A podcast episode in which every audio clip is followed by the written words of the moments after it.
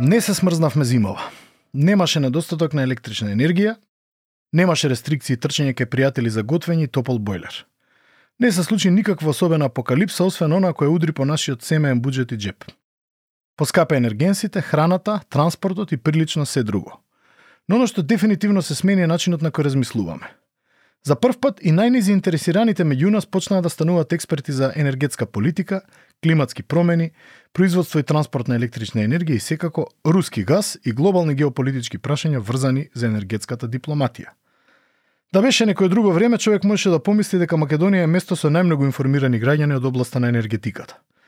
Меѓутоа не е друго време, ова во кое живееме не натера од зорт да се едуцираме за работи кои мислевме дека се интересни само за ману, неколку факултети при два-три универзитети во земјава и ретки ентузијасти кои полулаички се занимаваат со енергетска политика. И во тој хаос од информации, додатно страстрени од војната во Украина, ги изгубивме вистинските информации предвид. Колку сме енергетски независни како држава, имаме ли план за енергетска одржливост, инвестираме ли во обновливи извори или вечно ќе сметаме на јагленот и мазутот како извор на енергија. Не помалку битни се прашањата за тоа зошто поскапе струјата, како побогу се утврдува незината цена или Марко пак седнал и сосема сам сонил колкава треба таа да биде и најважното, дали и кога ќе може моето семејство да произведува струја со цел еднаш за секогаш да им кажам чао на Евана. За овие многу сериозни прашања разговараме со доктор Наташа Марковска, професор при Истражувачкиот центар за енергетика и одржлив развој при МАНУ, и магистар Марко Бислимовски, директор на Регулаторната комисија за енергетика и водни услуги на Република Северна Македонија.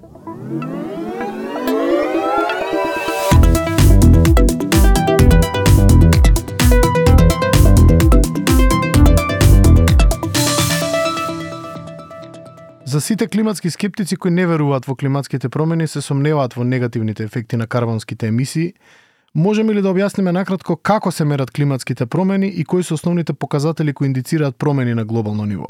Можеме ли да се осврнеме на научна методологија, но и на алармантноста на ситуацијата глобално? Меѓувладиниот панел за климатски промени приближно секоја декада усвојува извештај врз основа на релевантни научни истражувања, кои што се објавени во врвни научни списанија и кои поминуваат ригорозни рецензии. Овие извештаи се одобруваат од националните влади и служат како основа за информирање на одлуките и политиките во врска со климатските промени.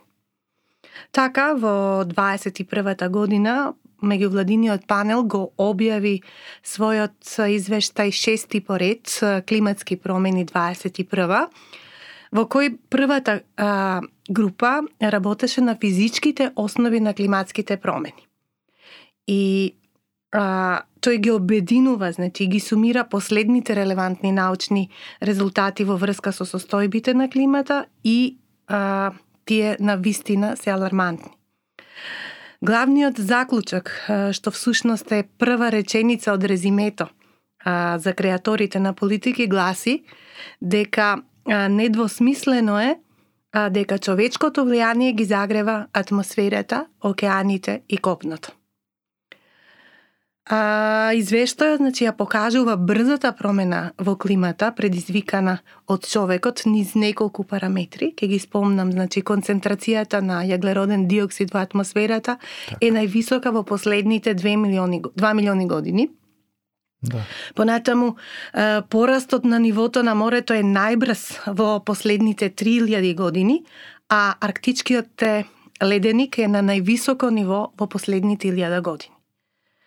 Така да науката даде многу појасна слика за минатото, сегашноста и иднината на климата, што е од суштинско значење за разбирање каде се движиме, што може да се направи и како може да се подготвиме. А, Република Северна Македонија според податоците на меѓународната заедница за обновлива енергија за 2020 година произведува струја која ни доаѓа од во 72% од необновливи извори, значи фосилни горива, и само 28% од обновливи извори.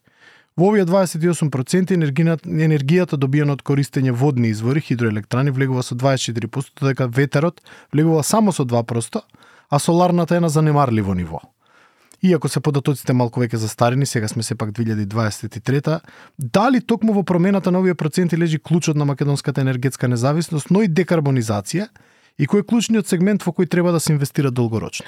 Глобалната енергетска криза ги внесе ов, обновливи извори на енергија во извонредна нова фаза на уште побрз раст. И според најновото издание на годишниот извештај на Меѓународната агенција за енергетика за секторот обновливи извори на енергија, светот е подготвен да даде онолке енергија од обновливи извори во следните 5 години, како што тоа го направи во предходните 20 години. Так. Сега, глобалниот капацитет значи, за обновлива електрична енергија сега се очекува да порасне за околу 2400 гигавати во периодот 22-27 и тој износ а, е еднаков значи, на целиот капацитет за производство на електрична енергија инсталиран денес во Кина. Так. Чисто да се добие колку тоа так, е голем. Каква е магнитудата, да? Да. И ова масовно а, очекувано зголемување е за 30 проценти повисоко од растот што беше предвиден пред само една една година. Една година. А, што зборува за само за тоа колку брзо владите се фокусираа на политиките за обновливи извори на енергија. И извештајот исто така открива дека над 90% од новите капацитети за производство на електрична енергија во следните 5 години ќе бидат базирани на обновливи и Практично до почетокот на 25-та година ќе го надминат јагленот и ќе станат најголем извор на електрична енергија.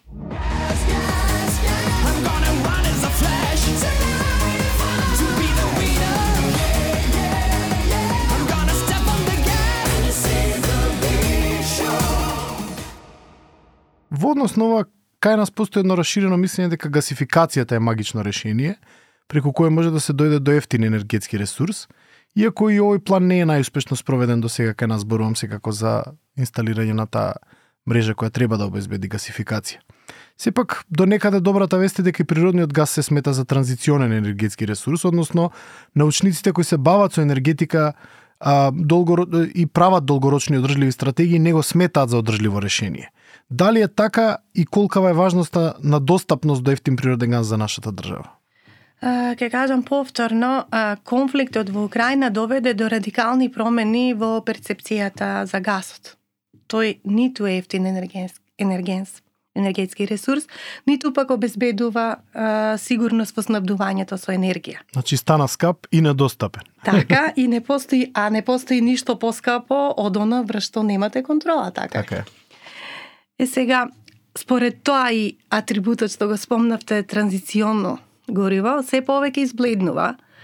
А, улогата на гасот во идниот енергетски систем би била единствено како гориво а, во капацитети за производство на електрична енергија и високо ефикасни когенеративни постројки а, во а, индустријата и за централно грејење. Кога сме веќе кај кај енергенсите и нивната долгорочна употреба, Како би се отвивала енергетската транзиција кај нас па и на глобално ниво со оглед на тоа дека за нашите граѓани од голема важност дебатата за самостојно производство на струја во самите домаќинства, што е ако не се лажам едно од четирите Д принципи на енергетската транзиција.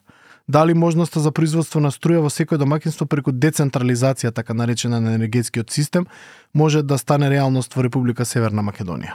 Успешноста на енергетската транзиција е условена од паралелното, паралелното движење по сите четири Д димензии, еве сега да ги спомнеме, значи ДД да. енергетизација, енергетска ефикасност, што значи да се користат што помалку енергија за задоволување на потребите, но и во производствените процеси. А тоа би значело користење на поефикасни технологии и процеси, но исто така и промени во однесувањето, во сваќањата и вредносните системи. Втората Д димензија декарбонизација, значи задоволување на потребите од енергија преку чисти извори на енергија. Дигитализација, значи продор на информацијски и комуникацијски технологии во енергетскиот е, сектор, кои ќе овозможат паметно користење на енергијата, но и поголем продор на чистите извори на енергија. И, е, ја спомнавте, децентрализацијата, так трошењето на енергијата таму каде што се произведува е еден од клучните начини да се постигне оптимален енергетски систем.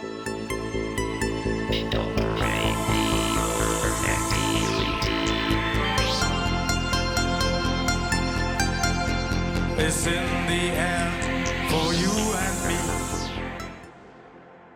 Во насока на нова прашање каде влегува потенцијалот на нуклеарната енергија, енергија на европско ниво и колку е ова долгорочно решение за европските држави со оглед на трендот да на повторно отворање на неколку нуклеарни централи во повеќе европски држави да бидеме поконкретни Франција до крајот на 2022 планираше да рестартира 27 од 32 изгаснати нуклеарни реактори со цел да намали зависноста од руските енергенси, сепак во перспектива на ризиците кои нуклеарната енергија ги носи со себе, особено по епизодите во Чернобил и Фукушима, дали долгорочната ориентација кон нуклеарна енергија може да биде решение за проблемите на енергетската зависност на Европа?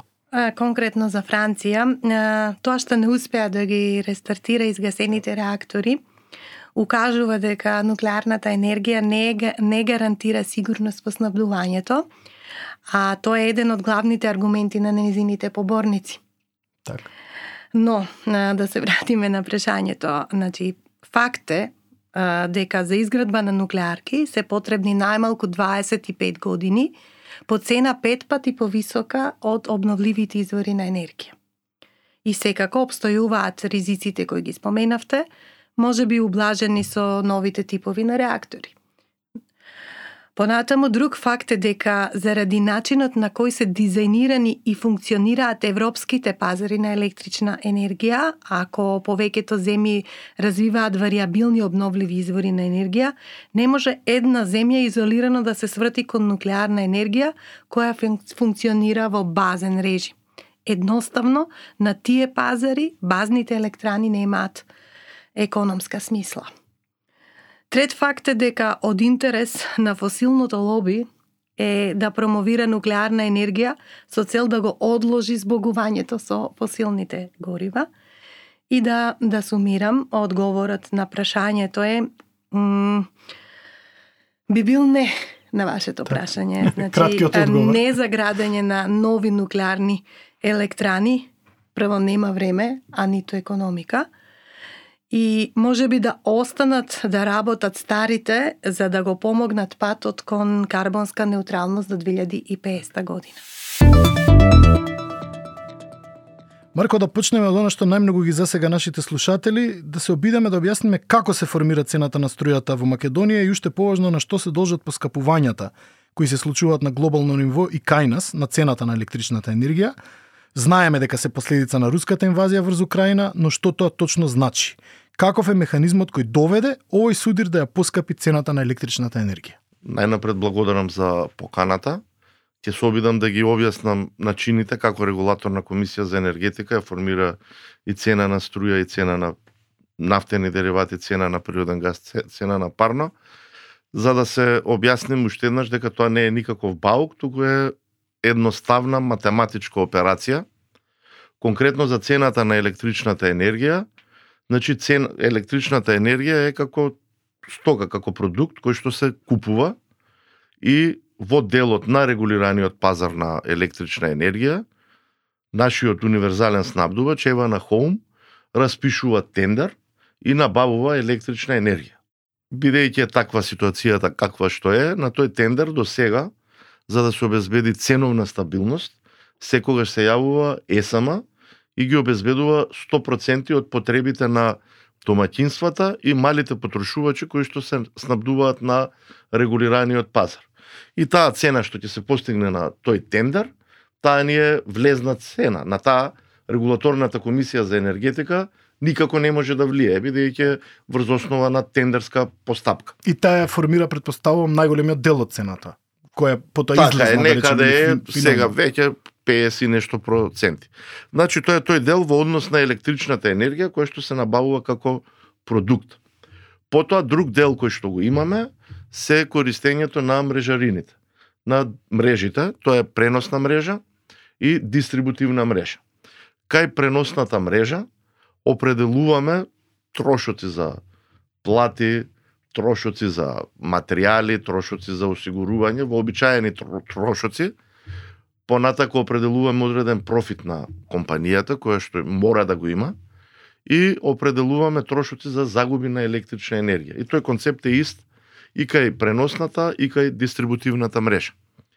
Значи сега граѓаните добиваат сметката им се состои од два дела. Едниот е во делот на електричната енергија набавена како продукт и другиот дел е мрежарината. Мислам дека ја објасни методологијата по која регулаторната комисија за енергетика работи. Тоа беше содржано прилично во првото прашање, иако ова ми беше второто прашање. Сепак само сакам да прашам, тоа е претпоставам методологија која се употребува во повеќе европски држави на истиот начин на формирање на цена. Апсолутно. Не сме иновирале ништо посебно Ништо, во нашата смисла. методологија е основата на нашата методологија е изготвена во 2008-2009 година со помош на Светска банка и со помош на Европска ком- комисија. Тие финансира еден поголем проект тогаш во регулаторната комисија за енергетика, на која што ја равнова на нашата методологија работеа врвни европски експерти кои што се реномирани нивната компанија во делот на консултантските услуги е една од најреномираните во Европа. Така да тој концепт кој што е во Македонија го има во цела Европа. Ние не можеме да работиме надвор од стандардите кои што се вообичаени за Европа и тоа е тоа. Методолошки нема друг начин. Така се пресметува цената на електрична енергија таму каде што определува регулатор за мрежарини, така се определува во сите европски земји. Така. Тоа е тоа, само ги имаме ра- различни влезни податоци.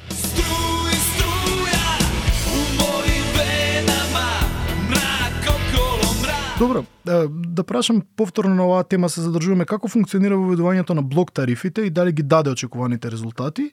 И едно поопшто прашање, дали се видливи заштеди на електрична енергија по сите упатени апели до граѓаните, вклучително они од регулаторната комисија? Истовремено остана нејасно колку е уделот на она што владата го субвенционира во сметките за електрична енергија, па може ли да разјасниме точно колков товар понесе државата во намирувањето на сметките за електрична енергија кај едно просечно домаќинство, да речеме? Значи, функционирањето на блоковите е сега за сега е одлично и дава ре, ре, резултати.